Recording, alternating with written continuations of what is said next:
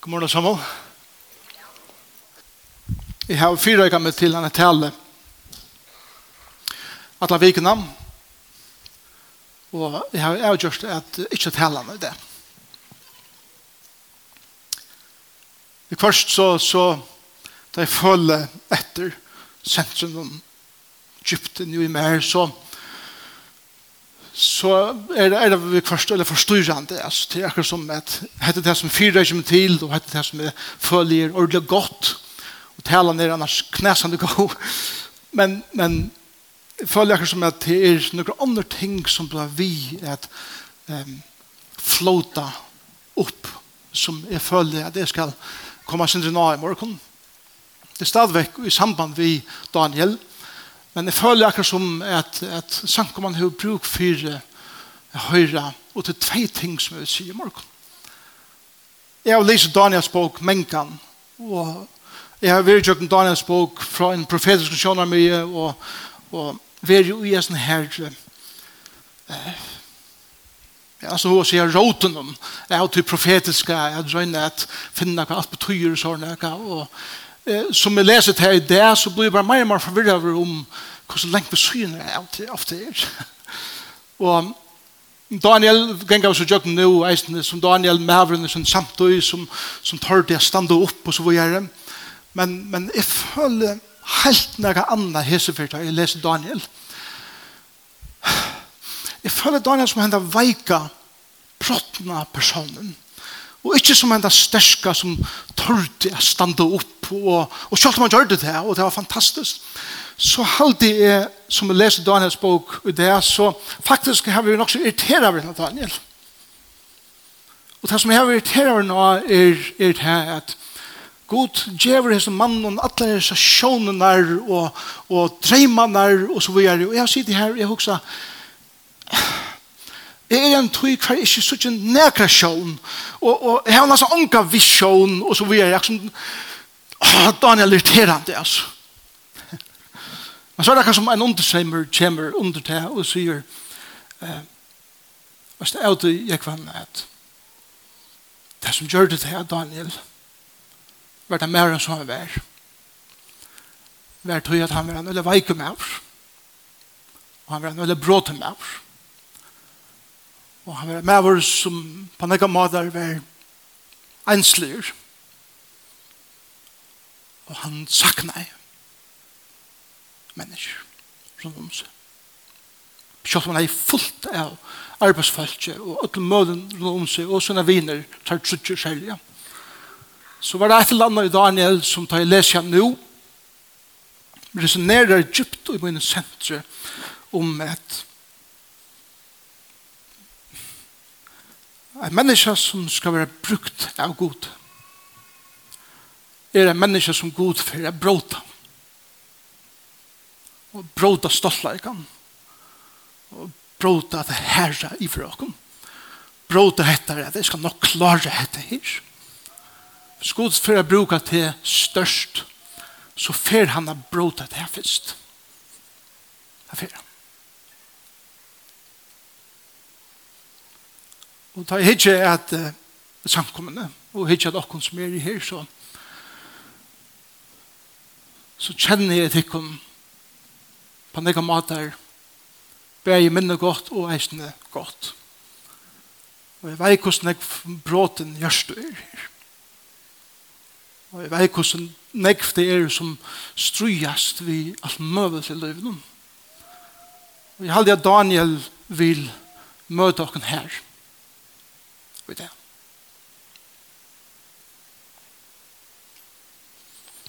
Jeg husker om det hver jeg vil ta og jeg, jeg møter manna morgen i luftene og først jeg gjør ofte mann manna morgen hvis jeg hvis jeg får fri så hittir jeg gjør noen bønnerkorsene selv. Og et som hever uh, virkelig noen mot hjertet siste tøyene er Nemlig heter det suttja. Hvordan jeg bråten gjørste og liv er det som blir om hjelp. Og hvordan jeg er det eisene og Jesus ankomne som er litt fantastisk. Som har et og medelig djupt hjärsta i øren. Hver de skriva innelig om å bya fire øren tykkara kære, eller vera viner, eller kjenninger, eller folk av arbeidsplassen, eller folk som det har hørt om, at onker kjenner, som strøyest ved imensløyvene. Og at de skriver det her. Det er å møte det, vekkost og, og godt. Men jeg også mer i morgen at nevnt tve ting. Jeg leser ikke en bok som jeg hadde fantastisk spennende. Hun er om kunst. Og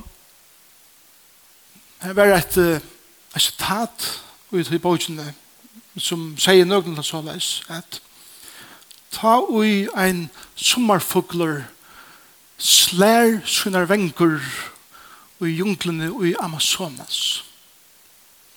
Så færa ultimativt her bildjenar som heter luttla slæge fra vangen av en sommerfugler fer at elva til at et isfjall skrambla saman i Antarktika.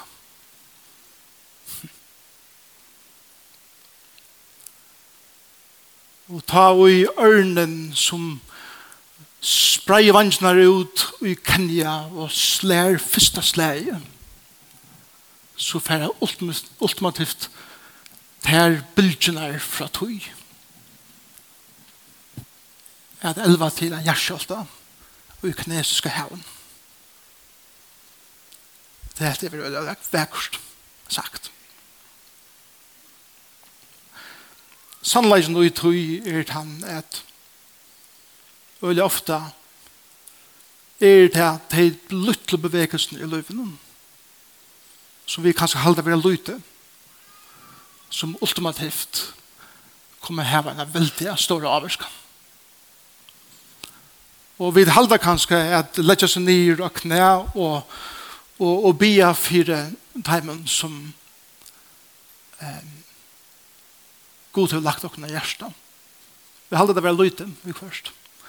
Vi halda det lytla som, som er kanskje kan gjøre gjøre så lytla mån og i mån til hvordan store tørver ser ut. Men, men bildjen er fra tøy for å heve ultimativt denne utrolig slagkraft i tusen til kjæreste. Ikke glemme det.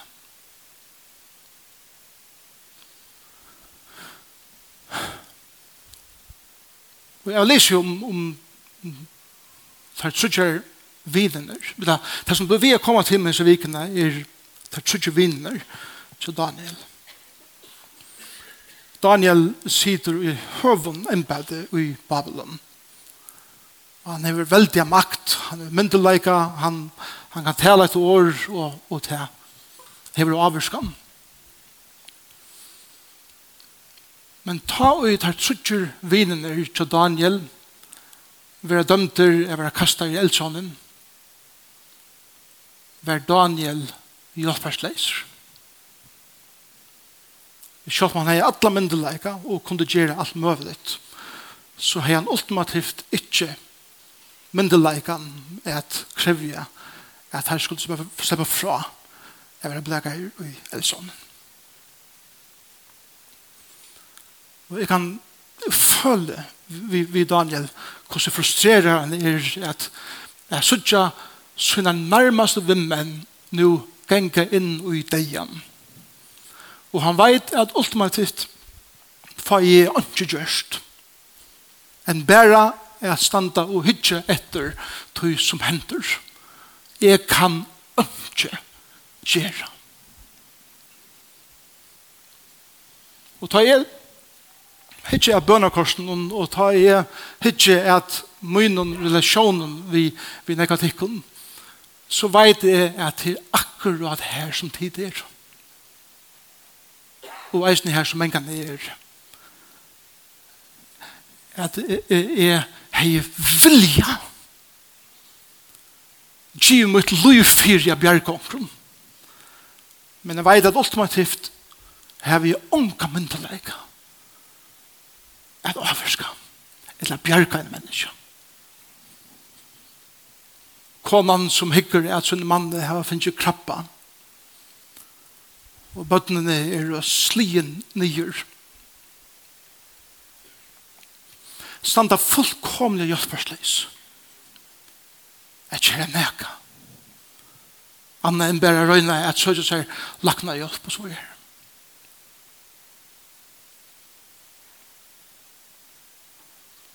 Men husker mannen som hun giver sitt liv til Jesus, men konan hun vil ikke. pura hjelpersleiser. Vi husker foreldrene som hitja inn i livene til bøttene til oss her. Og alle veien fra det var lytel har vi lagt det i hans hender og be han om å teka seg av dem og alle gjør det fram.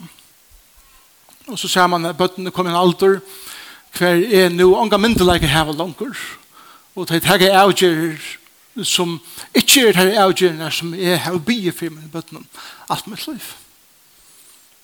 Det resonerer ordentlig vi med.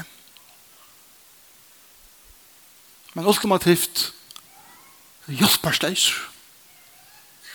Anna enn bæra at hugsa om sommerdagen og i junglene og i Amazonas som slær av lysene vi sunne vanken og bygge om et et usfjall og i antarktiska.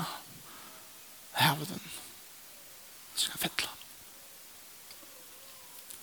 Men så kom jeg til min hese vikene som er les. Og jeg har lest det hundra for fyr men hese for kom da og en pura nudjan og fruskan hatt. Og det var etter et knapplega så sa kongren og alle som var her fjóra mannen inn i eldsån. Og det var menneskesåneren. Det var han som god hei sendt av himmelen at vera vidt ham inn i eldsån. Og, og, og det som jeg fikk beina ved ta, jeg bera vujere halvdige til, til omkring av tikkene morgen er at to stendur i morgen og du hikker inn i eldsånen som de som du elskar er nå trakka inn i. Og du sender utanfor og du får ikke gjørst. Men helsan til tøyen morgon halde jeg fra Daniel profeti er han sier vi til Hei du nærkant i hukse om fjóra mannen til når de se han. Hvis du åpner øynene til deg i morgen, og hitje er tøyner situasjon, hva du føler til maktasleisa, etter maktasleisan, er kunne gjøre nek eller avgjørska nek, og minnes til at himmeveren, som Daniel sa inne her, med mittel sønne tøtja viner, er eisende. Og stendte vi syner av tøy personen, som tusen gjerne vil hjelpe, men ikke vær kjørst. Vil du så han? Vil du i morgon vi tunne troar eion tryggva at det er tingene som vi ønsker for å gjøre vi i livet noen.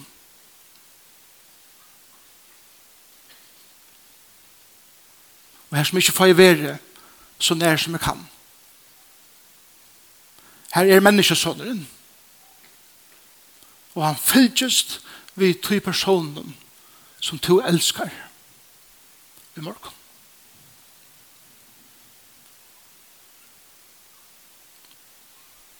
Det neste som er kommet til meg, som, som jeg har fire med til hinna talene, og ikke mye fri fyrsen her,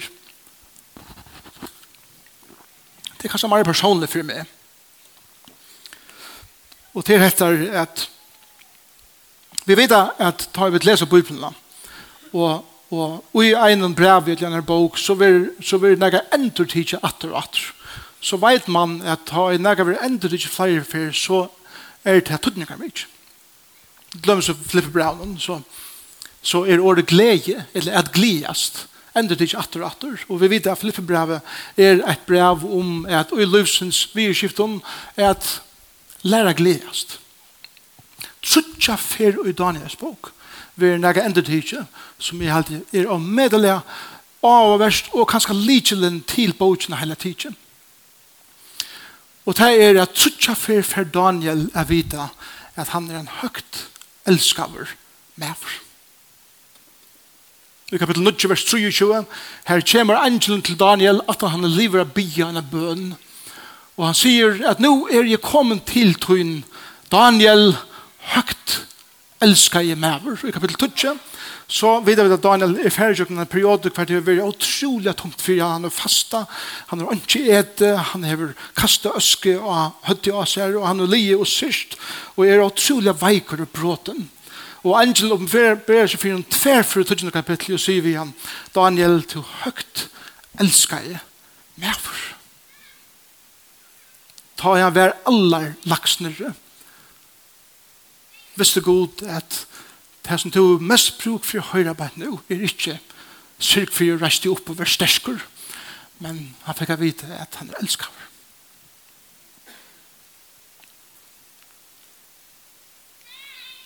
og jeg også er beina veien hva er Daniel bruk for at høyre var elskaver og, og tid kjenner vel med, tid kjenner vel mine søve Men vet du hva jeg halte at han er bruk for å høre det? Det var at han var foreldrelig. Det var en av grunnen. Han var kanskje 600 år gammel til han eh, var riven fra sine foreldre.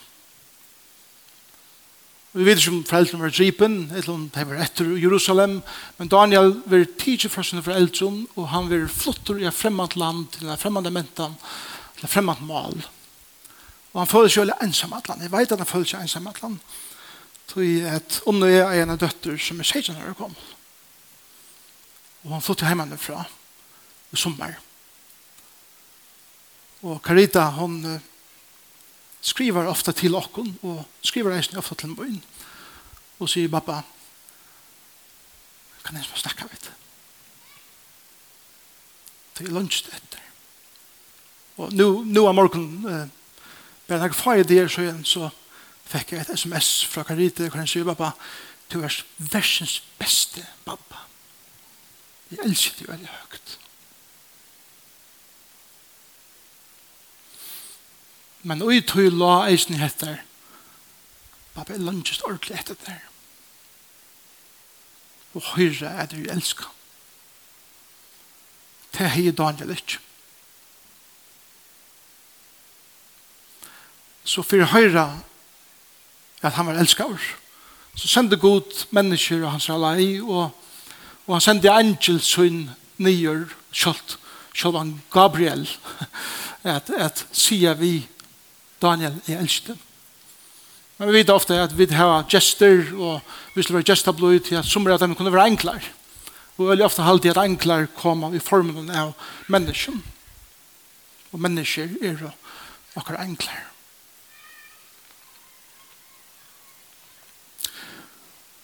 Sørste tøyene har vi er det, det hender en utrolig stor brøyding om mine liv eh, nå.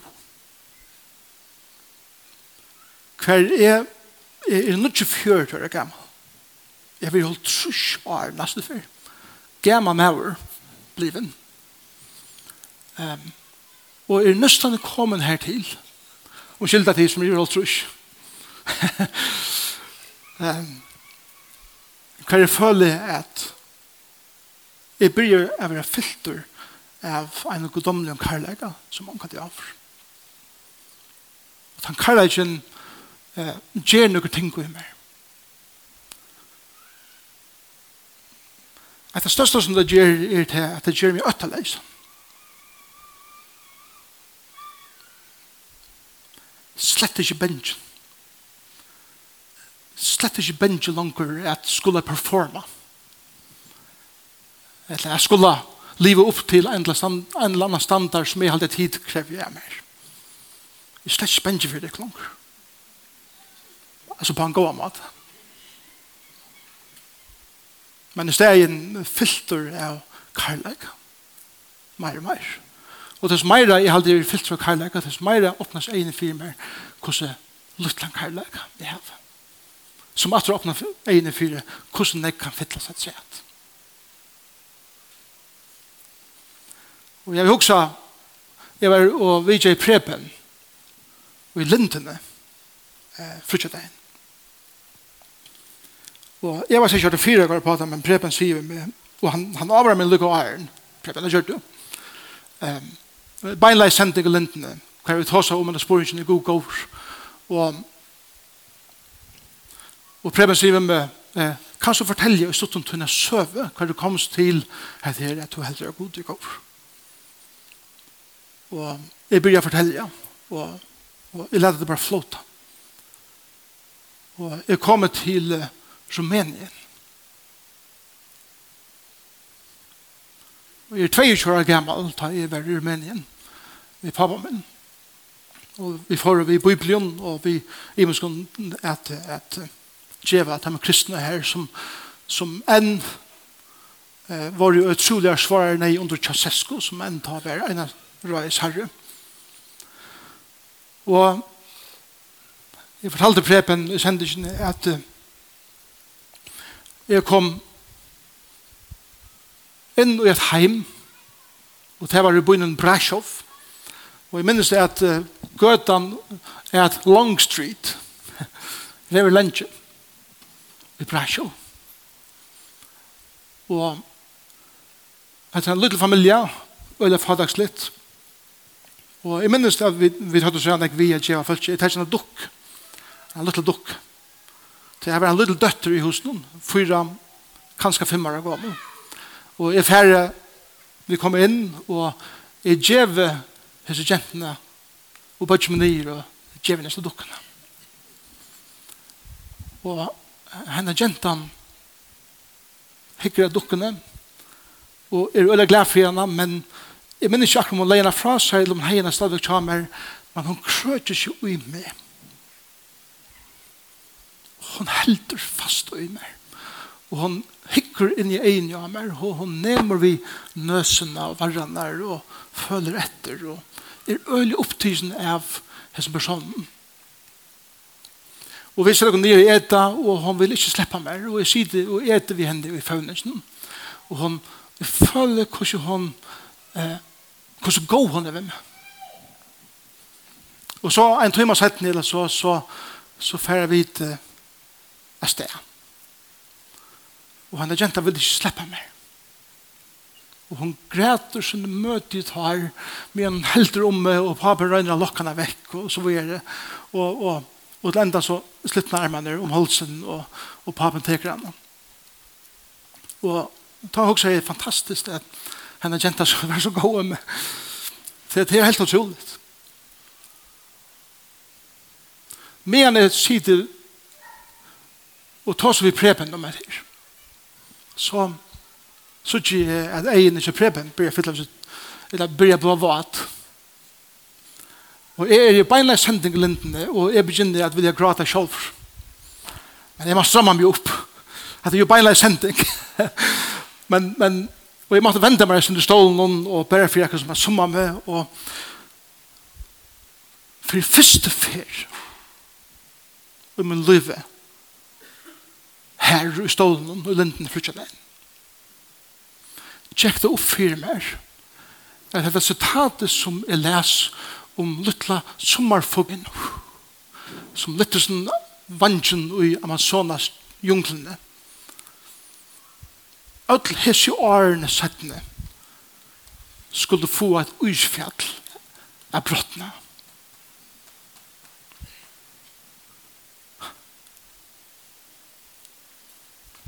Det trobleisen er han at han ikke høyrer og føler god sida vette til størlig elsker jeg maver, til størlig elsker jeg kvinner.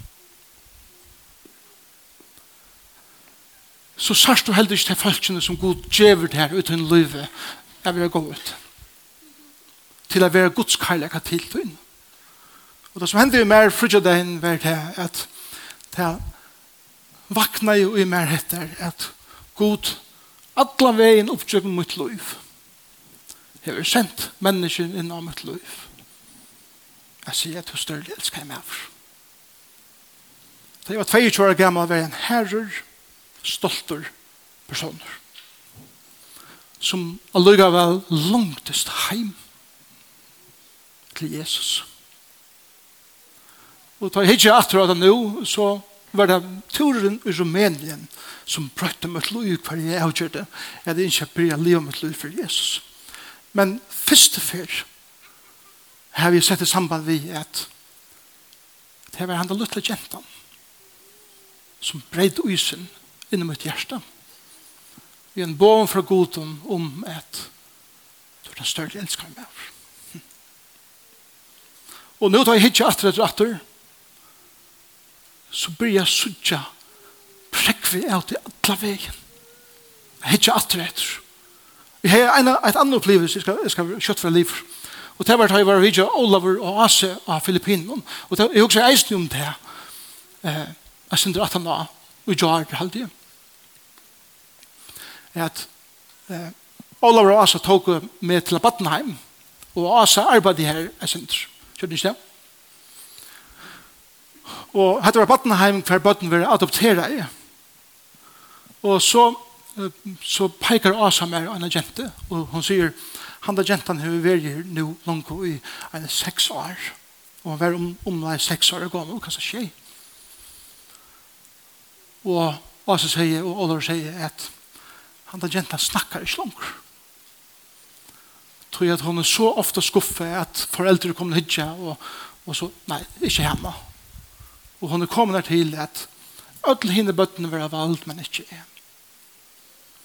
Og jeg får iver til til jentene, og Jeg tok han opp og sette meg nye ved igjen. Og jeg visste at det er for jeg er ikke noe skuffet. Men det som var særlig for meg var at maten hukte på meg på. Og hon, hon nærmer ikke hvem med den her vi har følt som bøttene ofte gjør, men, men bare egne tjøen. Og jeg rønte hit i henne egen og Og, og som er, er det særlig eiene som er ikke etter mennesken. Og, og jeg, jeg vil det ved min egen bare sier vi igjen at du er en høyt elsket som har kjent. Men det er ikke om, ikke om det det, så er det nekk mer hender eie som sier mer. Du er en høyt elsket gammel maver. og så les hever god og i så nekk mennesker vust mer og sagt vi meg, tog den høyt elskar mer. Og tog jeg sier Daniel vi, vi, vi fikk tikkun, foreldre leisom, på nekka måter, kanskje hava det foreldrene, og det var bo heima til foreldrene, men foreldrene har ikke vært her fyrir det, som de burde ha vært, kanskje. Et eller tid er skilt, og tid er skilsmissebøten, et eller tid kommer fra brotten heimon, et eller tid er å lengt bort fra ødlen som er til nær og kær, og til følge kan ensam ødlen. God sier vi til Du er sånn høgt elska vi mever, og du er sånn høgt elska kvinna. Men så sier jeg, vet du, men vil du åpne egene og fyre øklen til menneskene som er sendt inn og tøyne lei, jeg sier, vi til at jeg elsker det. Vil du åpne egene og fyre høy? Og så sørge at det er nekk folk om det, som vil leve god i det. Og vil du være en slug, og en slug er eisen i løvene i kjøkken øren, Men folk som kommer i samkomne her, og det er flere som ikke videre kan det til snakka vi, eller ikke videre kan det til vende seg, og så videre. Vil du være en sånn person som kommer bare ivet til en annan og sier, jeg er her. Og det er bøyene om at jeg vil bære Guds kærlighet alt inn. Det er det ting som jeg følte at jeg skal si av det ikke morgen. Om at jeg har en hjelp dere er veri slik at ta vid er sterskast ta eier vid er folk om veikast. Kan ta er det hans hans syster som kommer fram et og jeg halde det var det som Daniel levde på og som gjør det han til mannen og jeg er. Så har en sikten det kom her vi en gå av vike og trekje ut i hans hans styrke Og her mener vi, vi er bråten, hessa vikna, lade kan bråta, så så Kristus kan bygge dere opp. Så Slå bia sammen. Jesus, takk for at tar vi tidsin i livet og kun øron og vi hjelpe oss leis at kunne hjelpa. så er fjore mæveren en i Og jeg byr her om at de som er i her morgen, som føler seg hjelparsleis ved at vi sånne mæka, eller ved at vi sånne bøttenen, eller ved at vi sånne foreldren, eller ved at vi sånne familie og sånne vinen, eller hva det så er, eller hva så selv om. At det åpne åpnet her andalige eier av suttja, at menneskesåneren er bant her, sammen vi teimen. Jesus vis dem at du konger vitt dem og ber deg og her er byr om at du vil åpne okkara hjärsta fyrir at høyra båskapen om at vi dere elskar jeg vil høyra det atter og atter at Jesus elskar deg, men det sier okkar noe. jeg byr her om at du vil åpne hjärsta til okkar jeg får enig og fyrir at det er øyelig ofte og jeg gjør noen til luttlo tingene som så ikke ut i okker egen. En lydel jenta som klemmer meg i Rumænien. Sier meg det hvordan jeg to elsker meg. Og måtte vi finne egen og fyrt lytle i løyvene. Jeg synes det er store og i tøy. Måtte vi se sommerfuglen som slær vengner ut i Amazonas junglerna og bildene av tøy få isfjallet i Antarktika er fettla. Og måtte være at til lytte i akkurat løyve. Sjalt om som langt tøy ganger skal ha stor effekt i løyvene tjokken der. Jesus, takk for i kross deg igjen. Takk for at det ultimativa er Jeg vil ha nelter i kjøkken hender og føtter.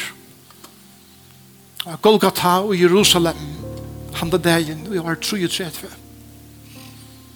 Jeg bildgjene fra tog og en slik effekt at alle heimeren atter etter og i tøyne tøy og frametter i okkar tøy er omfemt av tøyne karlæka og hvert menneske som er født inn i den heimen Ein eller ære sann er sunn livet trygg vi jeg. Fær ein åpenbering om at to elskar deg. Måtte vi være mennesker som gjeva til i okra liv. Sikne samkommende. Sikne kvann einstegan som er her i morgen. Og tar heim. Og tar kær. At de får egen i og fyre at de er djupt og høgt og størlige elskar i mennesker. Og i Jesus navn. Amen. Amen.